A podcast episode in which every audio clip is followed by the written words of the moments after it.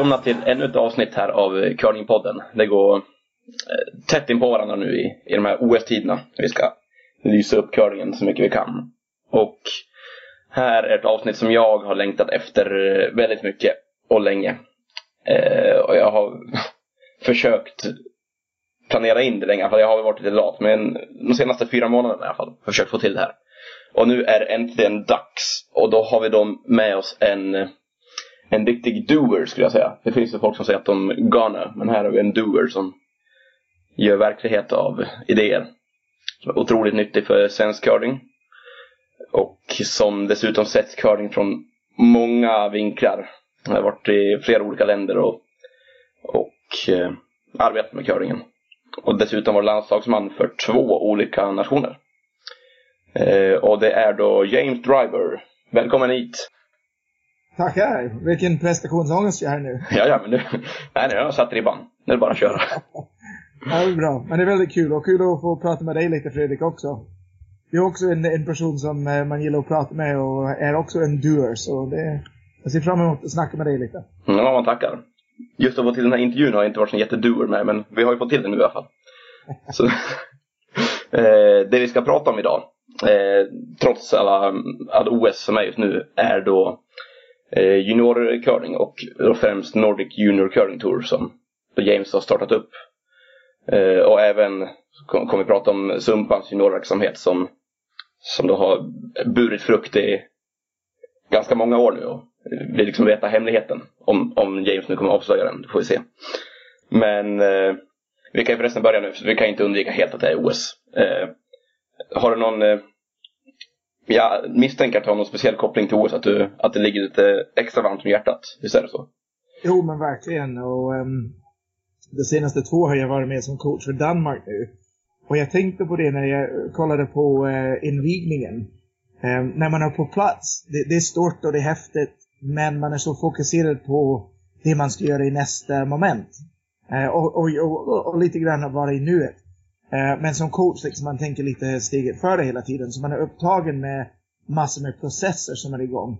Ehm, men när jag satt hemma och kollade på invigningen, det var fantastiskt häftigt att bara ta in hur stort det är. Och jag blev otroligt rörd över ja, ja, allt som pågick. Och se, och se några klubbkamrater från Sumpan som tog in i eh, invigningen och ja, det, det var riktigt coolt faktiskt. Det var, det var en häftig känsla.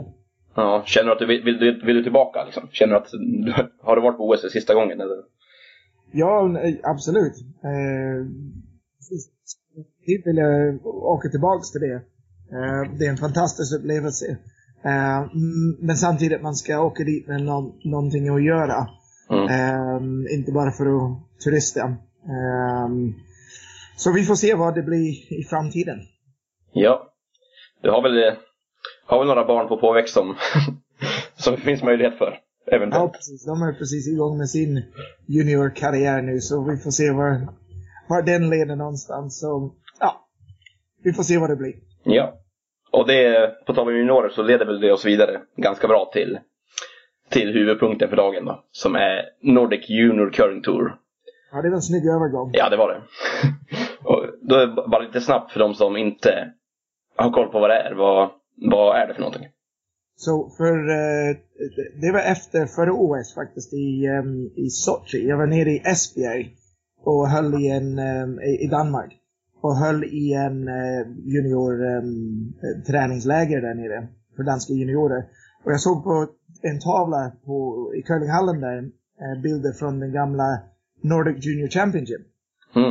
Um, där bland annat eh, min fru var med och eh, eh, Margareta Sigfridsen, Maria Pritz som var med och tog OS silver och, och jag tänkte liksom att vad konstigt, det finns ingenting kvar där. Det är ingen, ingen, ingen tävling kvar och, och det är ganska tråkigt. Eh, det känns som en ganska stor hopp från eh, klubbcurling, junior curling verksamheten upp till European Junior Curling Tour. Och då, på den hemresan från Esbjerg började, började jag kolla med lite folk eh, om vi ska starta en tour för juniorer. Um, och så blev det faktiskt. Eh, det gick ganska fort. Uh, kanske tre månader efter det hade vi allting på plats. Um, uh, så Nordic Junior Tour är egentligen en, en, ett steg mellan att man spelar kanske yngre junior-SM på den nivån och upp till elit junior-nivå. så man kan tävla lite mer internationellt fast hyfsat mycket på hemmaplan. Mm. Ja, exakt. Det, det, det, det, var det, det var det korta svaret. Ja, men det, det är exakt vad jag har tänkt, eller jag har, som jag har sett utifrån. Jag har inte varit så delaktig. Jag är liksom för gammal för att vara med, så jag, jag har inte varit på en enda tävling faktiskt. Men jag tycker att det verkar som att ni har uppnått exakt det. För om man kollar medelåldern, då ser jag bara utifrån igen, så verkar det som att den är lite yngre än på de här Europa-tourtävlingarna va? Precis. Ja. Jag tror förra, säsong, förra säsongen var första säsongen. Och då hade vi en snitt på 16,9 tror jag för tjejer och 17, eh, någonting för killar. Mm. Så det var, det, det, var jättebra för första säsongen. Um, jag tycker fortfarande vi, vi har lite projekt på gång för att försöka dra ner medelåldern ännu mer. För jag kan tänka någonstans mellan egentligen 14 och 18. Det, det är det perfekta. Mm. Så, eh, så det är det vi, vi jobbar med. För yngre junioråldern, det är, är det 15 år man blir för gammal eller? 16 va? 16, ja. Exakt, så ja men precis där skulle det vara perfekt ja. Exakt, för det, det finns många, många tävlingar ute i, i Europa för juniorer men nivån, eh, det, det, blir alldeles för stort för en 14-åring att gå ut på sådana tävlingar. Och, och väldigt kostsamt att åka till Schweiz, åka till eh, eh Tjeckien, åka till Skottland. Eh, ja, det, det blir svårare och, och betydligt större apparat för dem. Mm. Men vilka tävlingar som finns nu då? Eh, vart, vart även? Vi, konceptet är vi, vi har en i varje land. I, i Finland, eh, Norge, Danmark och, och i Sverige. Eh, vi har inte satt egentligen någon, någon spikad schema där det ska vara i en viss ort. Men eh, vi har haft, ehm, första två säsonger nu har vi haft Norge-tävling i Lillehammer. Just klassisk mark med OS 94 och ungdoms-OS 2013 var det? Ja, exakt. Ja. Um, och sen flyttade vi faktiskt Danmarks tävling från Esbjerg till uh, Köpenhamn. Bara för att underlätta resandet för, för alla och få lite billigare flyg och så. Ja, för den ligger väl precis bredvid flygplatsen, den hallen va? Ja, ja. mer eller mindre. Det, det tar kanske 10 minuter i taxin så mm. det är väldigt smidigt. Och sen har vi eh, Finland, eh, då har vi det på Åland. Ehm, otroligt härlig mm, team där i, eh, på Åland Curling som är väldigt driven. Ehm, och, det har varit en supersuccé att ha det där. Ehm, jätteglad att de får vara med. Och sen Bill Ross Trophy har vi haft i Sumpan i Sundbyberg. Och sen i år kommer det bli lite annorlunda eftersom det är 50-årsjubileum på Bill Ross Trophy i år. Och mm. det är senior-VM och Mixed Doubles-VM som pågår samtidigt. Så. Ja, kan, kan, du berätta lite mer om Bill Ross där? Den kommer inte vara i Sumpan i år. Nej, nej vi flyttade upp till Östersund för det, det var väldigt svårt att få ihop helger. Eh, och det enda helg vi kunde spela Bill Ross, eh, det skulle krocka med eh, finalerna i Senior-VM och Mixed Doubles-VM. Mm. Eh, så Rickard Hallström kontaktade mig och vill gärna att vi kunde samarbeta på något sätt för, för Curling Sverige så vi kan samla alla som vill vara med i Östersund. Och, och eftersom Håkan Sundström eh, startade Bilros 1968 i Östersund. Eh, det blev helt enkelt perfekt. Det sluter cirkeln lite. Och, ja, verkligen. Så det är jättespännande. Och framförallt i år att vi får, vi får eh, spela Bilros i VM-arenan på Arena Is med VCF-stenar och eh, allting kommer att bli som en mästerskap, vilket är jättestort. Det är jätte, jättestort för juniorerna som ska med där också, tänker jag. Ja. Eh, jag känner inte till någon annan tävling som har gått direkt i anslutning till en, en mästerskap, så det är en, en ny eh, en ny koncept och jag, jag är säker på att det här kan bli en, en, en bra grej för andra, andra länder att ta med de här mästerskapen. Ja, exakt. Förhoppningsvis blir det perfekt där. Det blir liksom en succé och, och folk tar efter. För det, är inte, det kostar ganska mycket att bygga upp den här isen. Ja, Och inte lika mycket att ha kvar den i en... Hur många dagar till den har? Två dagar, eller? tre dagar till. Tre dagar så- till. Ja, det Men just det här med VCF-stenar och liksom hela omgivningen och för att ge, ge de här juniorer en chans att spela i den miljön är helt, helt galet egentligen. Mm. Kommer ni ha något tak på antal lag, eller kommer ni liksom ta in alla, alla som vill med? Ehm, det, vi faktiskt har 11, 11 banor. Ehm, vi har både uh, um, Mixed Doubles-arenan och seniorarenan. Så vi sätter ingen tak på eh, antal lag. Ehm, så vi får se, men, men det brukar landa kring 20 lag, 24 lag. Någonstans där. Men kommer det här bara gälla nordiska lagen? Eller är det liksom fritt för... Det här är öppet för vem som helst. Ja. Ehm, så vi har haft kontakt med Skottland nu och sen vi har startat en grej eh, i somras. Eh, och det var en del av att försöka få ner medelåldern lite grann. Ehm, jag var i kontakt med Mark Kennedy eh, från Kanada. Mm. Och han har en juniortävling som han försöker göra något nytt med. Så vi kom fram till att vi, vi skapar en eh, exchange program. Som heter Over the Pond Junior Curling Exchange. Och då ska han skicka två lag från hans tävling till Bill Ross. Och vi ska skicka två lag från Nordic Junior Tour över till eh, St. Albert i Alberta. Eh, för att tävla. Ehm, och vi, vi kom överens att det ska vara U, U17 eh, lag. Eh, eller sju- U17, U18 Ja. eh, lag som ska ja, åka över. Snyggt. Då kommer det vara... Är det något som ingår i pris, mm, prisbotten för Nordic Junior Curling Tour, eller?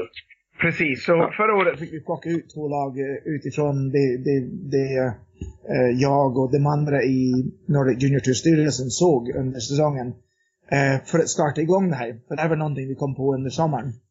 Eh, men den här säsongen, då kvalar man in till det. Så de bästa två, eh, topp två U17-lag på Nordic Junior Tour efter Bill Ross kommer att få den här inbjudan eh, till nästa säsong.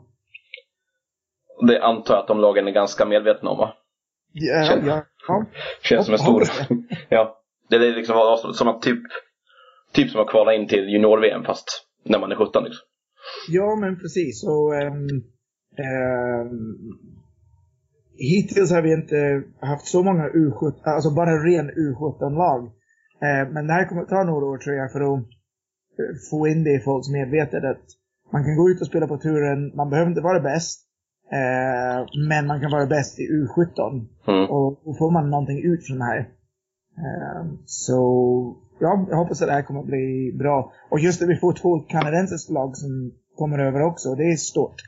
Eh, när jag var junior och spelade i Skottland, det var en stor tävling i Inverness. Mm. Där de två kanadensiska mästare eh, kom över till, för att spela. Och det var jättestort. Det var alltid superstort att spela mot Kanada. Ja. Så jag hoppas att juniorerna får den där känslan i det här sammanhanget också. ja, Kanada är ju alltid Kanada liksom. Det, det, Ja. jag minns också första gången vi mötte kanadensare, då var det ju... Ja, man darrar ju till lite grann bara för att man var därifrån. Ja. Så, ja. När, när, när var det? När, när mötte du dem först? Eh, Första gången, det var några som var i Leksand faktiskt. De var runt på någon tour och spelade. Alltså jag var kanske... Eh, kan jag vara 12? Jag var yngst i laget då. Ja. Eh, det var ju... Jag minns att våran etta, han ramlade första stenen han slidade iväg med. det, var, det var Det, lite... blir, det blir lite pirrigt att spela mot Kanada. Ja. Eh, ganska rolig story när um, Mikkel Paulsen som spelar i tvåa för det danska laget på OS nu. Eh, första gången han, eh, han fick kliva in, han var res reserv eh, under OS-uppladdningen för eh, Vancouver. Så han fick kliva in och spela mot Kevin Martin på VM eh, 2009. Ja. Och första stenen, eh, första stenen han spelade gick igenom. Andra stenen eh, var kort om, hogg. Och tredje stenen brände han. Nej. Så sa det kan inte vara så mycket värre. Han ramlade och brände det. Var han... Eh, ville han vara kvar på banan eller vad var känslan? Ja, det var nästan gråt, men det är lugnt. Han klarade det. ja. Jag antar att ni inte vann matchen då, men... Nej. nej. Men... ja, det är snyggt. Men sen är väl, man lär sig att de inte är... Klart de är bra, men de är inte så farliga egentligen. nej. Och det är kul att få träffa folk utifrån, alltså andra länder ganska fort också. Precis. Och, Och de, de som ska komma över är hyperentusiastiskt. Och det ena laget hade en, um, uh, en sån här uh, samla in pengar uh, um, middag. En Swedish meatball middag. Okej. För, för um, folk i ja, omgivningen. Ja. Och de fick ihop 8000 kanadensiska dollar. Oj då, då var det klart då. Och de hade lite så här, eh, vad heter lotteri och lite allt, allt möjligt runt omkring. Men eh, ja, de, de var också väldigt peppade att komma till oss. För jag tror curling, eh, curling Sverige har ett extremt gott rykte. Eh, och speciellt just nu med, med tanke på hur bra det går för Edin och för Hasselborg. Ja, exakt. Ja, de som inte har full koll, nu har ju de där säkert full koll på curling, men de lär väl tro att Sverige liksom är, ja, i, i, inte som Kanada, men i närheten i alla fall. Ja. Nu är bara att gå in och leverera sådär. Ja, men det är Ja. häftigt. Tycker, känner du Ma- Mark sen innan, eller är det någon OS-grej du har träffat honom på också? Jo, nej men eh, nej, alltså du känner honom från, ja man morsar på varandra ute på, eh, när vi har setts på mästerskap och sådär. Och otroligt eh, sympatisk och trevlig kille. Mm. Ehm, och ja, det bara blev så. Jag skickade någon meddelande till honom på Facebook och ja, sen det ena ledde till det andra och då var det klart. Sociala medier som gäller alltså. Det Ja, där händer. Vad det jag tänkte på mer? Ja, det här med Bill Ross bara. Eh, vad var det nu? Tappade jag helt. Eh, det var, jo, eh, anmälnings... Eh, eh, det- datumet, speldatumet. Eh, bara så, folk som vill anmäla sig. eh, så, så tävlingen går sista helgen då, kalender jag ser rätt. Eh, Ja. sista helgen i april. Vilket är den, det kommer börja, första matchen kommer börja två timmar efter avslutningsceremonin i, i VM då. Så det är lördag Ja. den 28 och sen finalerna kommer att spela måndag den 30 april. Och eftersom det är en klämdag där, det borde inte vara någon större problem för folk. Hoppas jag i alla fall. Nej, nej, det är bra för svenskar. Jag vet inte hur det är i andra länder, men de kommer väl i alla fall. Ja, precis. Och sen ehm, eh, man anmäler sig och a, sista anmälningsdatum ligger på eh, vår hemsida på nordicjuniorcurling.net. Och Mm. då kan man gå in där och kolla på ehm, ja, anmälningstider och ehm, ja, lite information. Ja, jag kan lägga in en länk här på avsnittet. Ah, snyggt! Så får vi se. Det blir bra. Eh, och det här med själva touren, om vi går tillbaka till, om vi, om vi bortser från det här jättebra med Östersund och, eh, och eh, Over the Pond-spelet här. Så eh, hur ser det ut i de, i de andra länderna? Är det alltså med, med lag och eh, liksom engagemang bakom tävlingarna? Så, Just det. Ehm, från förbundssidan, alla är väldigt positivt till den här satsningen. Och det, är- det är bra för det första. Ehm, och sen är det så att Danmark och Finland har lite svårare att få ihop lag. Eh, så är det. Och de har begränsat med pengar och hela den här diskussionen. Eh, men vi har haft, vi har haft eh, bra, bra lag med bra representation på alla tävlingar hittills. Så Eh, det, men det är Sverige och Norge som har de flesta lagen och sen eh, Danmark brukar komma med en eller två lag per säsong och Finland har ett par lag. Och. Men man hoppas någonstans också att jag tänker inte att det här är färdigt. Jag, tycker, jag ser det här mer som eh, fem, tio års plan, liksom, att det ska växa fram.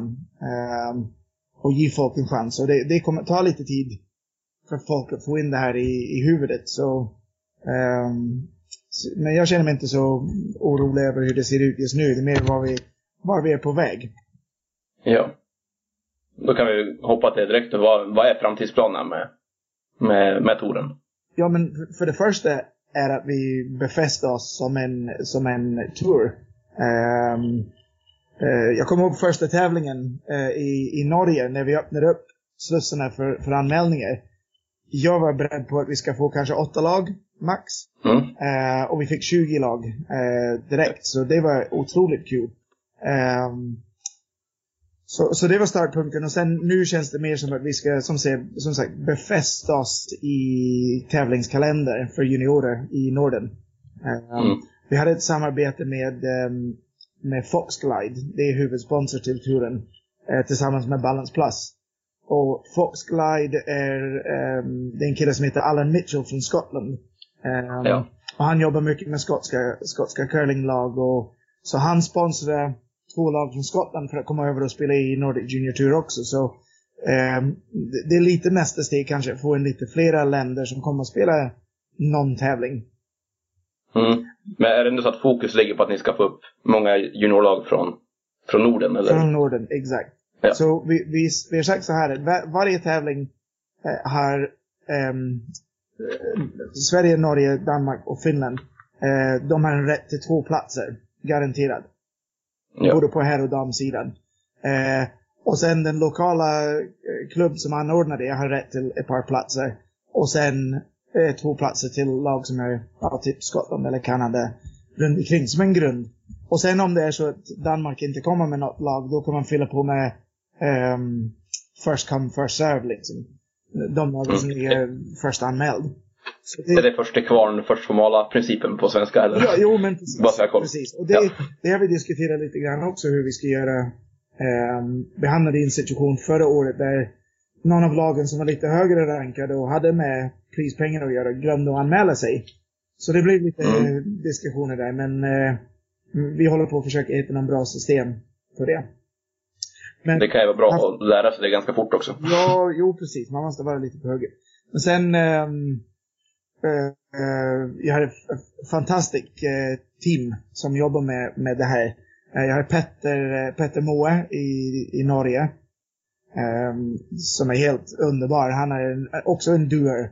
ehm, Ja. och Han brinner verkligen för sporten.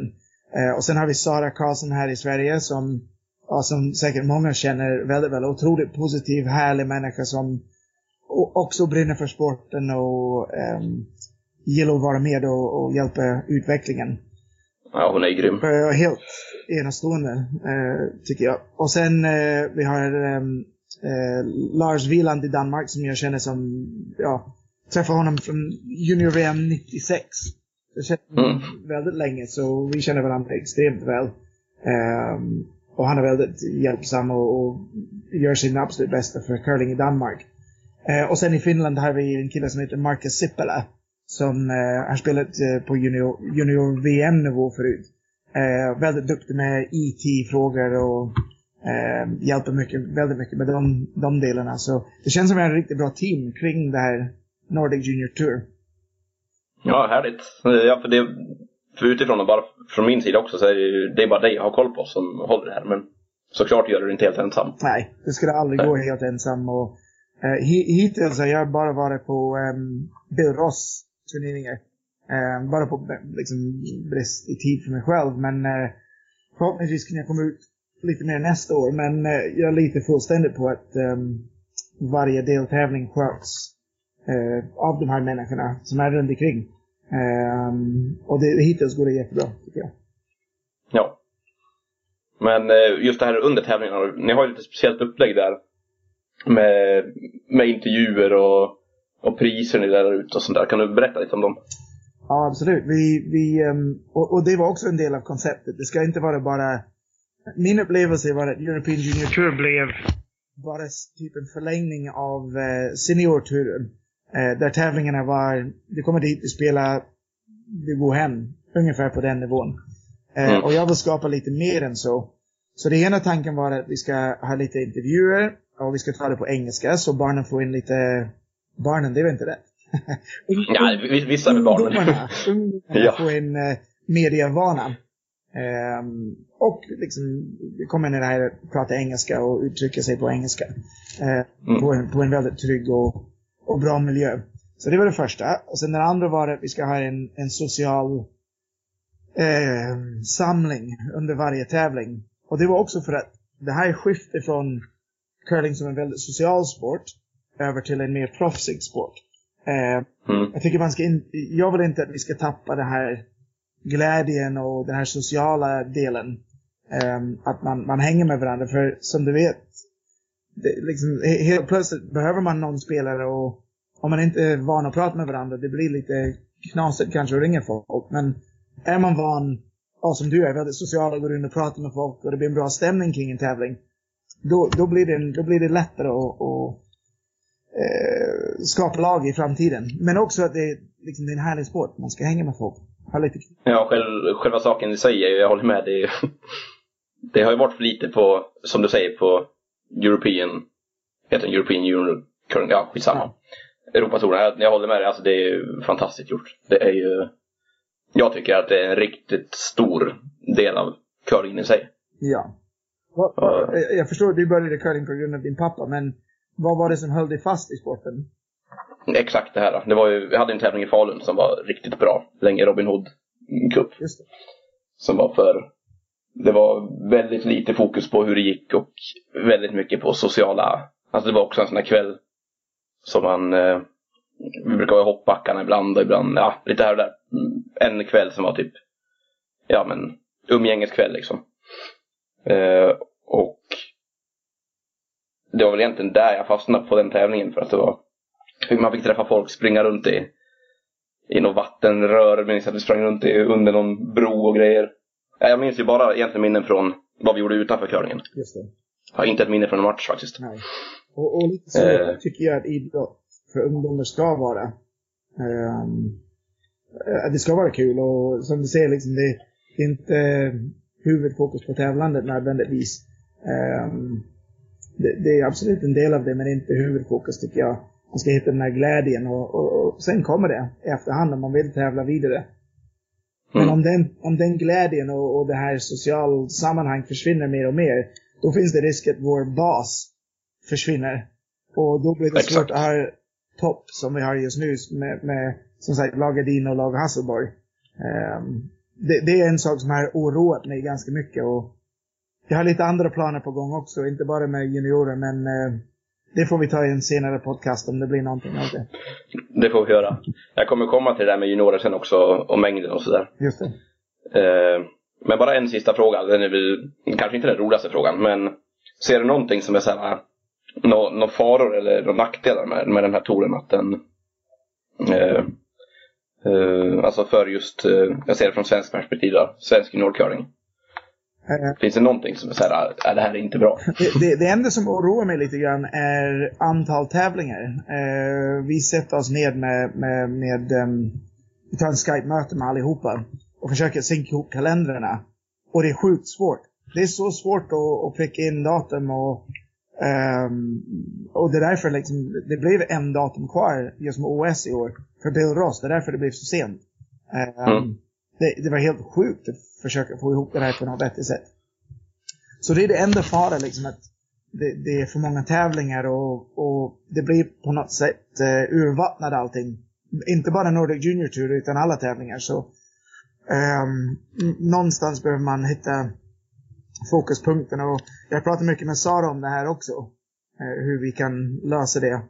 Um, och vi är inte fram till den lösningen ännu men, eh, men just att vi har diskussionen uppe tycker jag är ganska viktigt. Ja. Men sen vill jag bara nämna också, apropå Nordic Junior Tour, en sista grej kring det.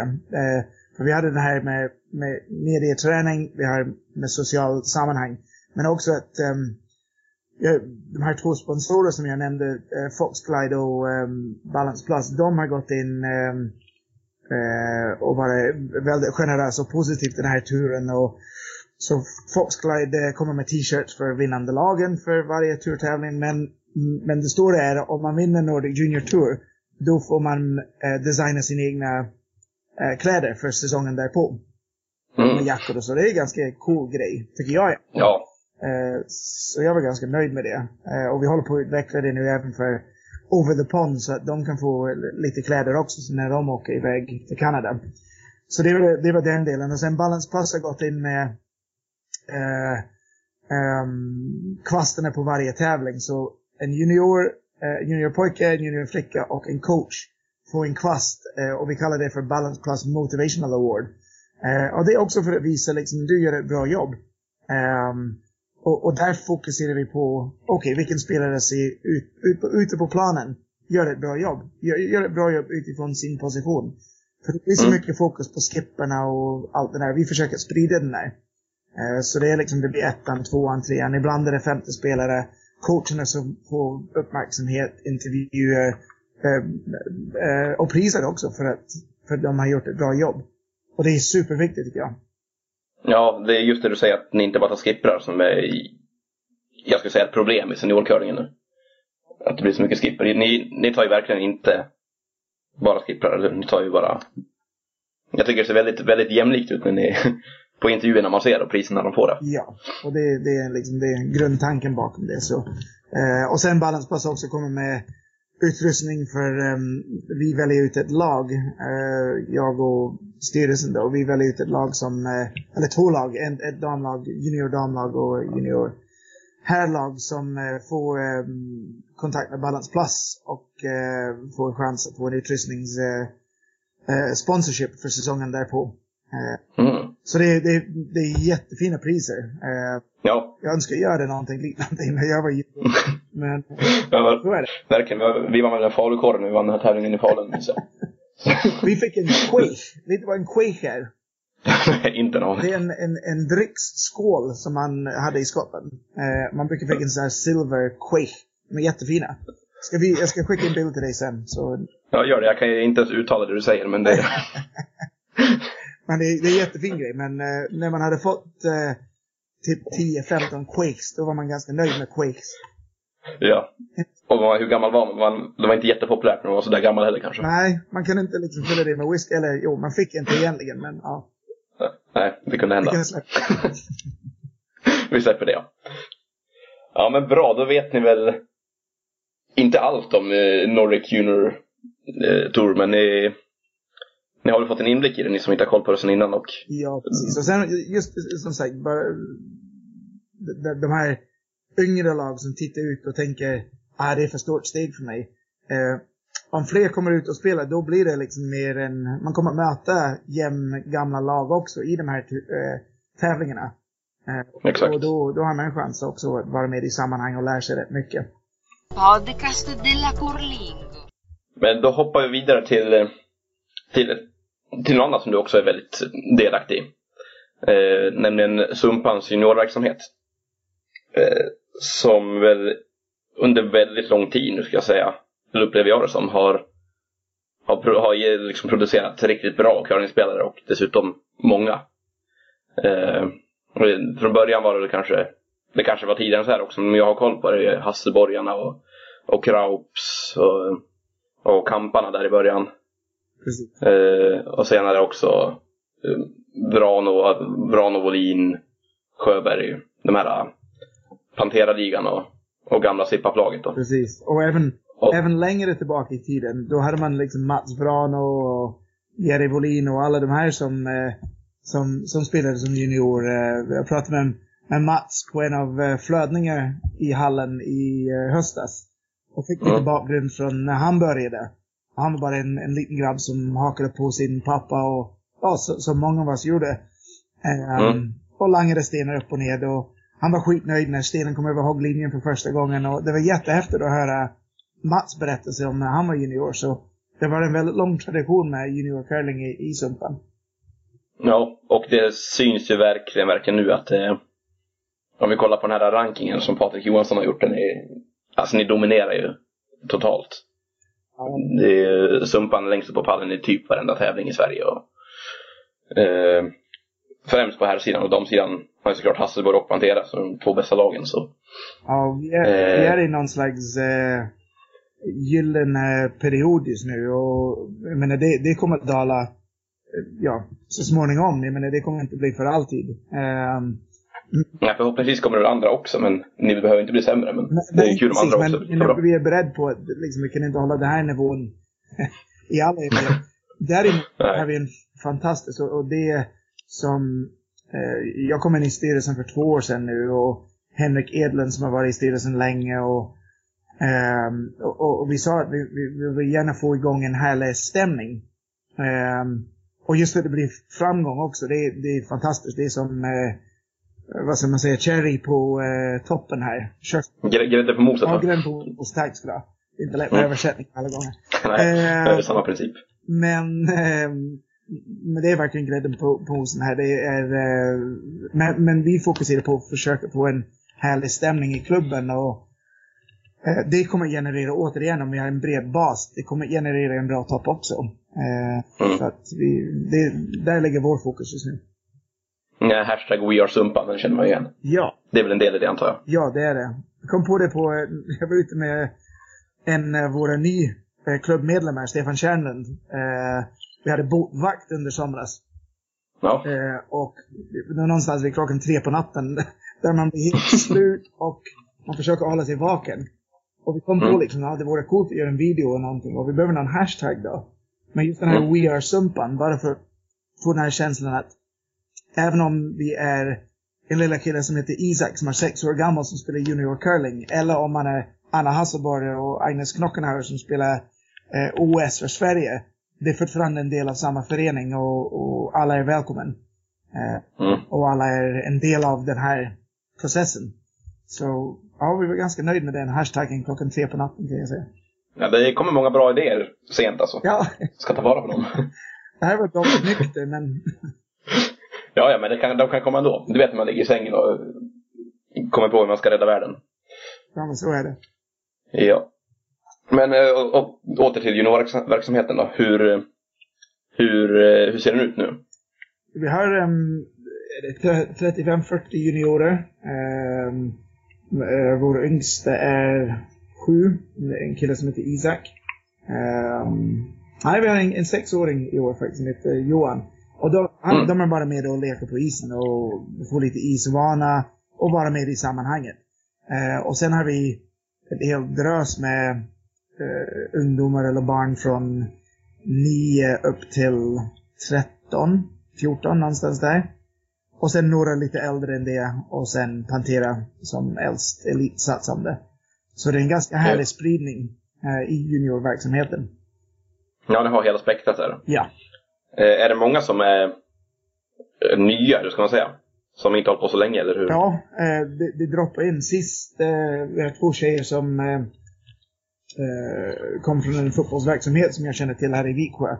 Eh, de dök upp nu i för fem, sex veckor sedan. Eh, kom, Mm. kom och testade på med några kompisar och de spelade i Junior DM nu senast. Eh, så det var fantastiskt kul och de kom igång så snabbt. Så att det det är många, som, det är många nya som kommer hela tiden och det blir det här, det svåraste är att få första gruppen. Men det, när de är lite fast i curling, de tar med sin kompisar och sina kompisar. Och sen helt plötsligt blir det en drös med folk. Ja, exakt. Och det jag tänker, det jag tycker är svårast, jag håller också i juniorträningar och sådär. Det är ju när det kommer in nya, hur man ska liksom integrera in dem mitt i, mitt i träningarna. Ni, hur, hur gör ni det? Har ni en taktik för det? Ja, vi fick dela upp träningarna faktiskt eh, i år. Ehm, så Pantera, de, de har en bana eh, för sitt Mm. Eh, så vi, vi har, vår verksamhet är egentligen tre banor. Ehm, för, för, för resten av juniorverksamheten så att säga. Eh, och då, ehm, då delar vi upp det. Så vi har första timmen med, med de som är ny och de som bara spelar för kul. Inte för att tävla. Och sen Mm. andra eh, en ja, dryg timme då. Då har vi eh, en tävlingsgrupp då. De som är redo för att tävla och vill tävla lite mer. Och lär sig mer. Ehm, så att egentligen skulle vi behöva alla banor. Samtidigt som det, det är fantastiskt häftigt att ha eh, lag Pantera. Ehm, nu- nu är det mest Fanny och eh, Almida och Jenny som är där. Eftersom eh, Bella bor i Härnösand. Men just att de är med på träningen för då finns det en målbild väldigt tydlig för alla juniorer. Och sen de här tre tjejerna är så himla underbara. Alla fyra är underbara, men de som, som är där i år, de, de kommer över och hjälper gärna till och berätta någonting om sopning om vi behöver det eller hur de tänker på teknik eller de, jag menar, de, de är en del av det. Det är inte som de är för sig. Eh, Nej. Så vi drar nytta av dem samtidigt som vi, vi i de förutsättningarna kunna bli så bra som de kan bli. Mm, ja, det är grymt ju. För jag antar att ni är inte så delaktiga i deras träning. Eller inte alls säkert. Nej, nej, vi har inte så mycket med dem att göra. Vi, ja, de, de får hjälp om de behöver det och eh, vi har vissa saker. Vi, vi har fått en eh, split timing utrustning eh, som de eh, använder ibland och vi kommer få två nya smart rooms som mäter eh, frekvens och tryck i sopningsmomentet. Så det kommer de, de få ta nytta av det där också. Så, Mm. så de är en del men eh, de, håller sig de har sin egen träningsupplägg. Så. Yes. Ja, men det det är väl så man ska lösa det kanske. Man vill ju inte så gärna dela upp dem känner jag ibland, men det är väl oundvikligt när man har tre banor liksom. Nej, men så är det. Ja, så är det. Ehm, och sen, liksom, jag vet inte, hur, hur ligger det till i Uppsala för er då? Hur, hur ligger ni till med, med nivåerna så att säga? Eh, om vi snackar nivåerna som vi pratade om, alltså kvalitet på spel eller Ja, antal. liksom, om man är nybörjare eller om man är mer uppe på yngre junior SM-nivå eller sådär tänker jag. Vi har ganska bra spridning där också. Vi är inte lika många, vi kanske är 20 stycken. Mm. Men det har vi väl lag Thunman nu som är de äldsta. Som väl om några år absolut kommer vara med och utmana om junior-SM-medaljerna. Mm. Eh, vi hade ju ett herrlag, eller ett pojklag förra året som, som var lite äldre, men de har väl slutat nu då. Eh, annars är det ganska, ganska många yngre. Vi hade väl, någon träning sen hade vi väl tio stycken som var mellan 8 och 12 då kanske. Så det är väl, ja det ser väl rätt bra ut där också. Ja. Men det, jag har bara svårt att alltså, hantera när det kommer så många på en gång. Men det är väl att dela upp det där som du säger. Ja, det finns, jag tror, det, för, för det blir, vi, vi blev ganska splittrade på slutet av förra säsongen. Och till slut blev det ingen kvalitet för någon och, och vi ledare bara gick runt och vi kände att vi duttade överallt men det blev inte riktigt någon kvalitet. Eh, och sen när vi delade upp lite grann. Men det vi gjorde var, eh, vi, tog, vi tog alla tre banor klockan fem då för första gänget. Eh, träningsgruppen som det heter. Eh, och Mm. sen, så vi ger dem kvalitetsträning och vi jobbar med stationer och eh, delar, upp, delar upp oss som ledare för att hjälpa dem maximalt. Och sen kvart i sex då kommer, då försöker vi spela matcher med dem på något sätt. Eller ha dem på en eller två banor. Och de spelarna som kommer för andra passet i träningsgruppen, de får kliva på en bana och bara spela in sig lite grann. Ja. Och sen första gänget kliver av klockan sex och sen andra gänget får alla tre banor klockan sex då. Så Mm. det, det rullar ganska fint. Ehm, så. Mm, men det är bra tips. Det är säkert flera som har problem med det här. Ska jag kunna tänka mig. Ja men det är en bra lösning. den ska jag ta med mig. eh, och vad sa du, har ni träning eh, två gånger i veckan? Eller hur ofta har kört Två gånger i veckan. För, för, för, eh, egentligen hade vi tänkt att ha det en gång i veckan för eh, träningsgruppen. Eh, och sen tävlingsgruppen skulle spela två. Eh, men nu är det så att alla är så entusiastiska och vill vara med så vi sa, ja, men då kör vi två gånger i veckan. Men onsdagsträning är mer som en frivillig träning. Där de får komma och träna på det de känner de vill träna på. Så vi styr väldigt mycket mindre över det. Måndagsträningar har vi bestämt vad vi ska göra. Um, och sen onsdagsträningar, de styr lite. Och det här är också en, en, en ganska unik grej inom idrott, tror jag. Uh, att de får styra själva vad de vill träna. För det här kommer in i, i det är så i curlingvärlden, man måste styra över sin egen träning i mångt och mycket när man är äldre. Så det är lika bra att de får reflektera lite grann. Ja, idag vill jag träna, och det kan vara, jag vill träna på taker. Ja, men då tränar vi på taker då. Plocka Mm. fram lite split, time, split timers och låt dem se hur hårt de kan spela en sten och lägga in lite lekar för dem. Ehm, andra kan tycka att de, de vill helst rikta in sig och jobba med linjer och så. Ehm, andra vill spela match. Så det finns utrymme för alla att, att, att träna på det de vill träna på. Och där tror jag, det senaste nu, vi har fått en några gymnaster som har ledsnat med, med gymnastik och det var helt sanslöst. Det var ena mamma berättade, hon, dottern som är tio, tränade nio timmar i veckan.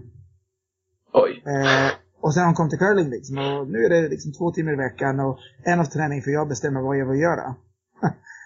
Ja det kan ju aldrig hända där nej. det måste vara det mest uppstyrda Det var otroligt lättnad. Den här, Ja. den här, eh, den här spelaren. S- så det är ganska unikt tror jag för curling och, och en väldigt bra sak. Och jag antar att de här gymnasterna hade inte jättesvårt att komma ner i slide heller va? Vi måste rekrytera därifrån lite mer faktiskt. De är grymma. Ja, Det är men parkour kanske. Ja. Då blir det succé. Ja. Ja, nej, men det är snyggt för det är imponerande att se utifrån. Bara som jag var ju med på det här junior-DMet. Ni, ni kom väl med fyra lag va? Eller hur många hade ni? ja, precis. Ja. Jag tycker att alltså, vår verksamhet den funkar ändå bra liksom. Och så, så ser man ju. Det är skönt för oss att ha några förebilder som man ser att man kan, det går att göra bättre liksom. Komma längre. Ja, och sen eh, Eh. liksom, vi försöker bara göra det som känns bra. Och sen har vi en fantastisk, återigen där, eh, bra gäng.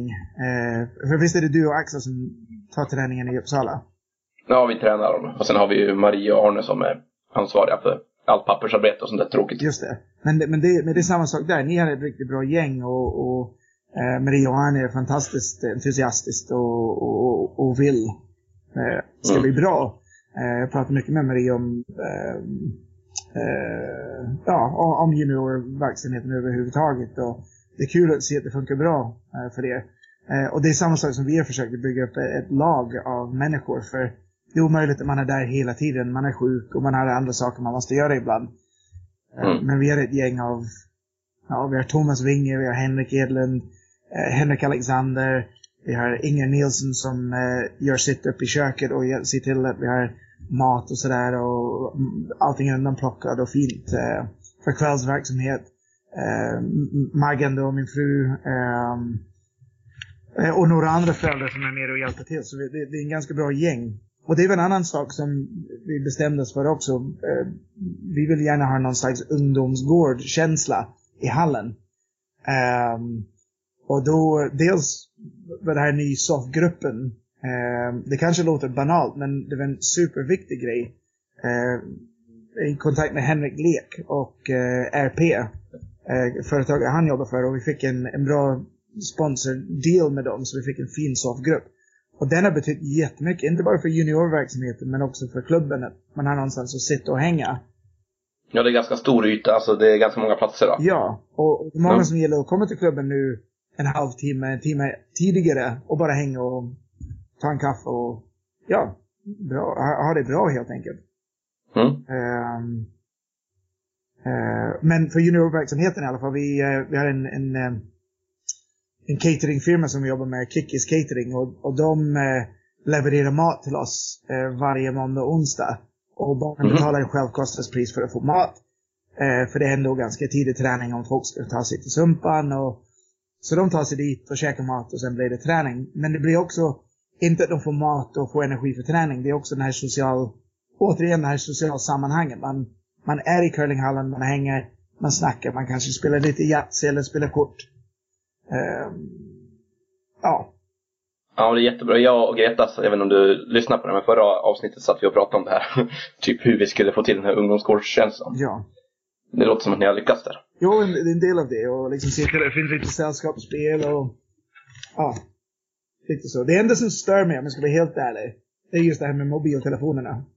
Mm. Det stör mig lite grann alla, så vi, vi försöker att vara snälla och säga plocka undan, tack. Då skulle, det skulle gjort som han haft i Leksand hade problemet varit löst. Vi har ju, det är en plåtlåda liksom. Är det så? Där, har, där inne har man ingen täckning nästan. Så det, är, det får liksom kapsla in hela hallen så är det klart. Vi kanske ska bygga in det nu under, eh, under sommaren. Vi ska bygga in någon slags plåtlåda. Ja, Vi det. det låter bra. Men om vi tänker så här klubbar som eh, där juniorverksamheten inte riktigt har tagit fart då. Har, du någon tips på hur de ska göra för att, för att börja och till slut liksom komma in på era spår? Ehm, ja, eh, ja, egentligen handlar det om att man måste ha engagerade ledare. Eh, det måste man ha. Eh, Mm. eh, ett väldigt bra exempel av det just nu är uppe i Sveg som hade en fantastisk juniorverksamhet tidigare med som drevs av eh, eh, Eko Bergman och Leif Feld. Mm, det är lite halvlegendariskt nästan. den Ja, jag menar den, den, den liksom, alla snackar om den här verksamheten och producerade hur många bra spelare som helst. Um, OS-mästare, juniorvärldsmästare, ja, Europamästare, medaljörer. Eh, men det, det kom från just de här två eh, män som gjorde en fantastisk insats. Och sen var det en dipp, då, då försvann ja, deras barn då från juniorverksamheten. Och det höll i ett tag. Men sen, liksom, de gjorde andra saker i klubben såklart. Eh, men ehm, nu är det igång igen i Sveg. Eh, och det är en, en, en man där uppe som eh, Peder Karlsson som har dragit igång. Han har ett barn och nu har de fått ihop är det 20-25 barn där igen. Mm. Så jag tror att det är det liksom. Man måste ha en, en eller två ledare som brinner för det och vill. Behövs inte ha mycket kunskap egentligen. Bara att man vill att barnen ska komma ut på isen och lära sig lite om curling. Ja, exakt. Och lite som, eh, lite som Sara Karlsson sa på eh, eh, den här utbildningen vi var på, en, en, en utvecklingsutbildning. Just att det är kunskap som man har som vuxen, det är mer än vad juniorer har. Och um, vi har mer livskunskap och det är massor med saker man kan bygga in, inte bara curlingmässigt. Så jag tror, det, det är nummer ett, man har ju några bra ledare, tror jag i alla fall. Och sen Ja. eh, att man gör det kul liksom och gör det, gör det till ett ställe som man vill hänga. Eh, för då blir det bra. Återigen tillbaks till det här varför du stannade kvar i curling. Varför jag stannade kvar i curling. För det är socialt och det är kul. Ja.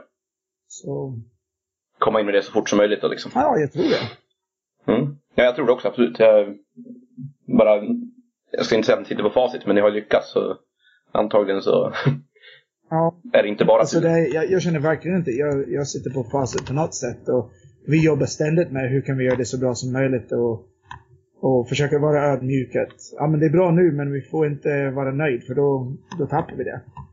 Mm. Ehm, det är mycket jobb bakom det, det är det. Men, eh, ehm, men just det här med glädje för ungdomsidrott. För, eh, och speciellt i stora städer som i Stockholm, det, det är så allvarligt så tidigt. Och barnen ska satsa på en grej så tidigt och jag tror inte ett dugg på det. Nej. Ehm, jag är bekymrad över den, den utvecklingen. Ehm, så att, eh, men, men det är liksom spelets, det är, det är hur, som det är just nu. Men jag tror vi måste också, vi måste också ehm, göra reklam för sporten och, och säga det här är en bra sport. Så man lär sig inte bara spel, man lär sig inte bara sociala färdigheter, man lär sig eh, massor med livskunskap. Mm. Vilket är mer än de flesta andra sporter kan eh, komma med. Och man, man får ju se ganska mycket tidigt, kanske du menar med livskunskap, men eftersom det inte är så stor får man ju åka iväg ganska fort Ja, till andra ställen, vilket är bra. man ser sig upp i Sverige lite grann och Ja, Exakt. Och sen kanske lite vidare till det. Så nej, det, det är en viktig grej som vi ska inte glömma bort i curlingen. Vi, vi har så jäkla många fina saker som vi kan erbjuda till ungdomar eller till vem som helst.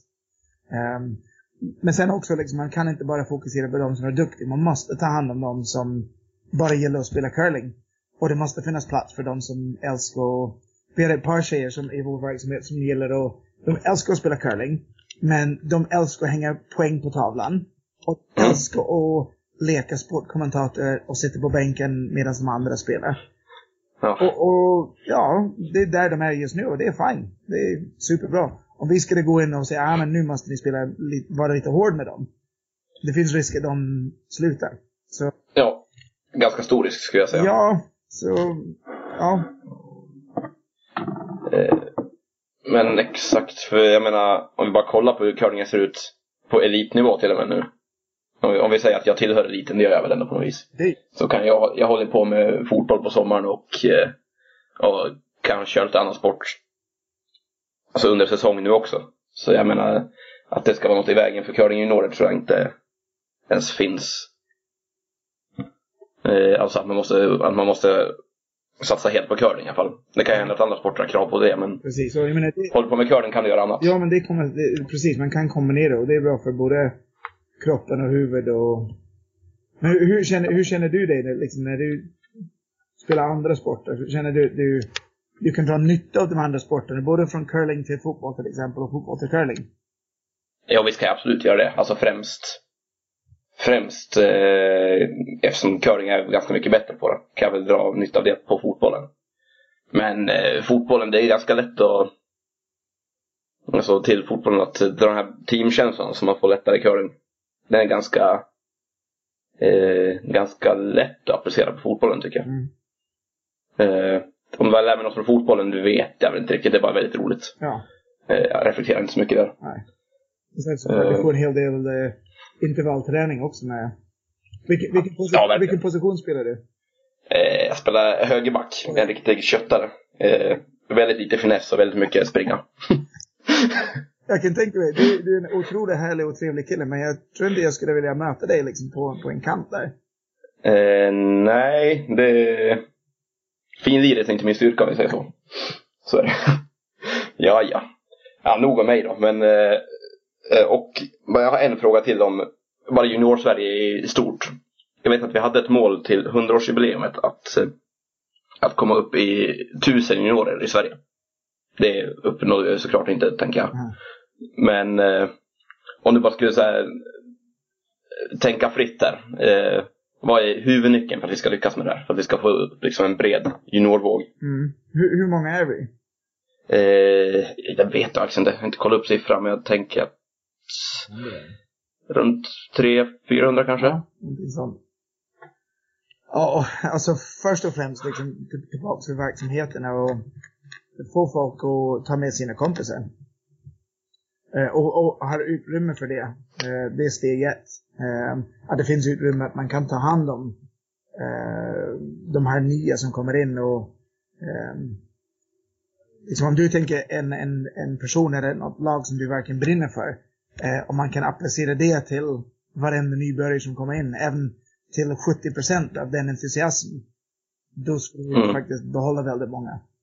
Eh, så det är steg ett tror jag. Eh, och sen... ehm, ja, jag vet det, det har jag inte tänkt så mycket på. Det väl bra. det, det är en fråga från, från, tagen ur luften, men jag tyckte att det var intressant att se om vi...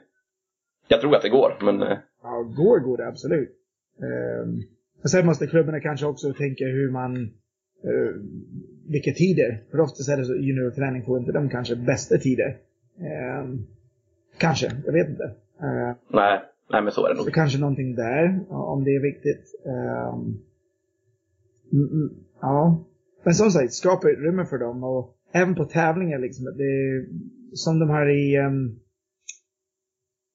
i Kanada, de snackar om lite olika nivåer. Som här recreation-tävlingar istället för ja, recreation, eh, intermediate och uh, elite typ. Uh, som, Mm. delar upp det lite grann, vilken nivå man vill spela på själv. Och det är problemet nu att vi är för få för att kunna göra det nästan. Ja, exakt. Så då blir det bara de som vill tävla typ riktigt.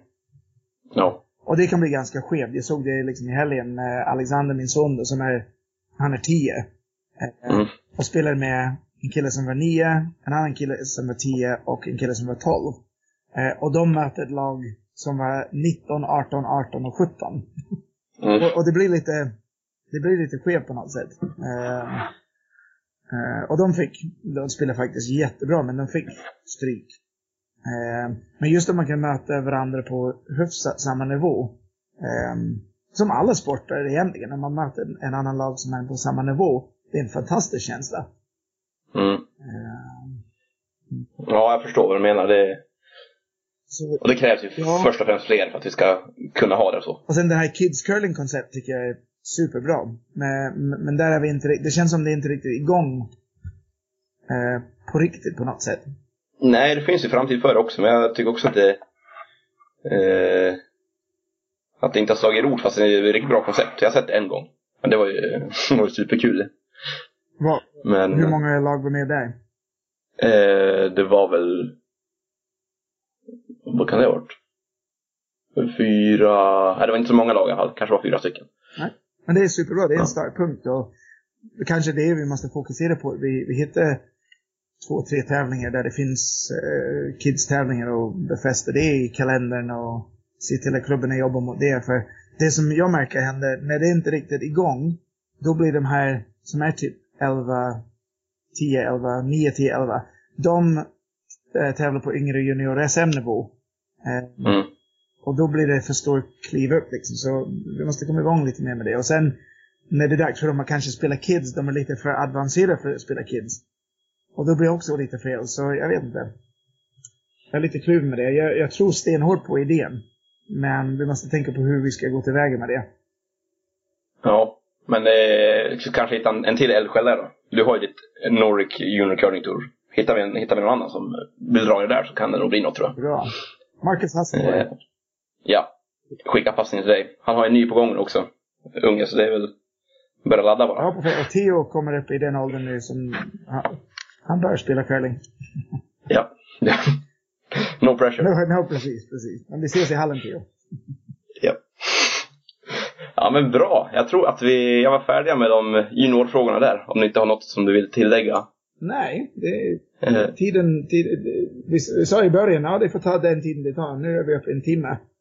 Ja, exakt. Det, det- är alltid kul att prata curling. Det är, det är intressant och jag, som sagt, jag har lite planer eh, framöver även för ehm, jag, är lite, jag är lite orolig för curling som stort. Just med det här med OS är fantastiskt och, och, och elitcurling har aldrig varit bättre än vad det är idag. Och, ehm, eh, just att se den här utvecklingen från Nagano fram tills nu, de här 20 åren. Det är så mycket som har Mm. hänt med elitcurling och, och det, är, det är riktigt häftigt. Jag, jag, jag blir glad när jag ser det.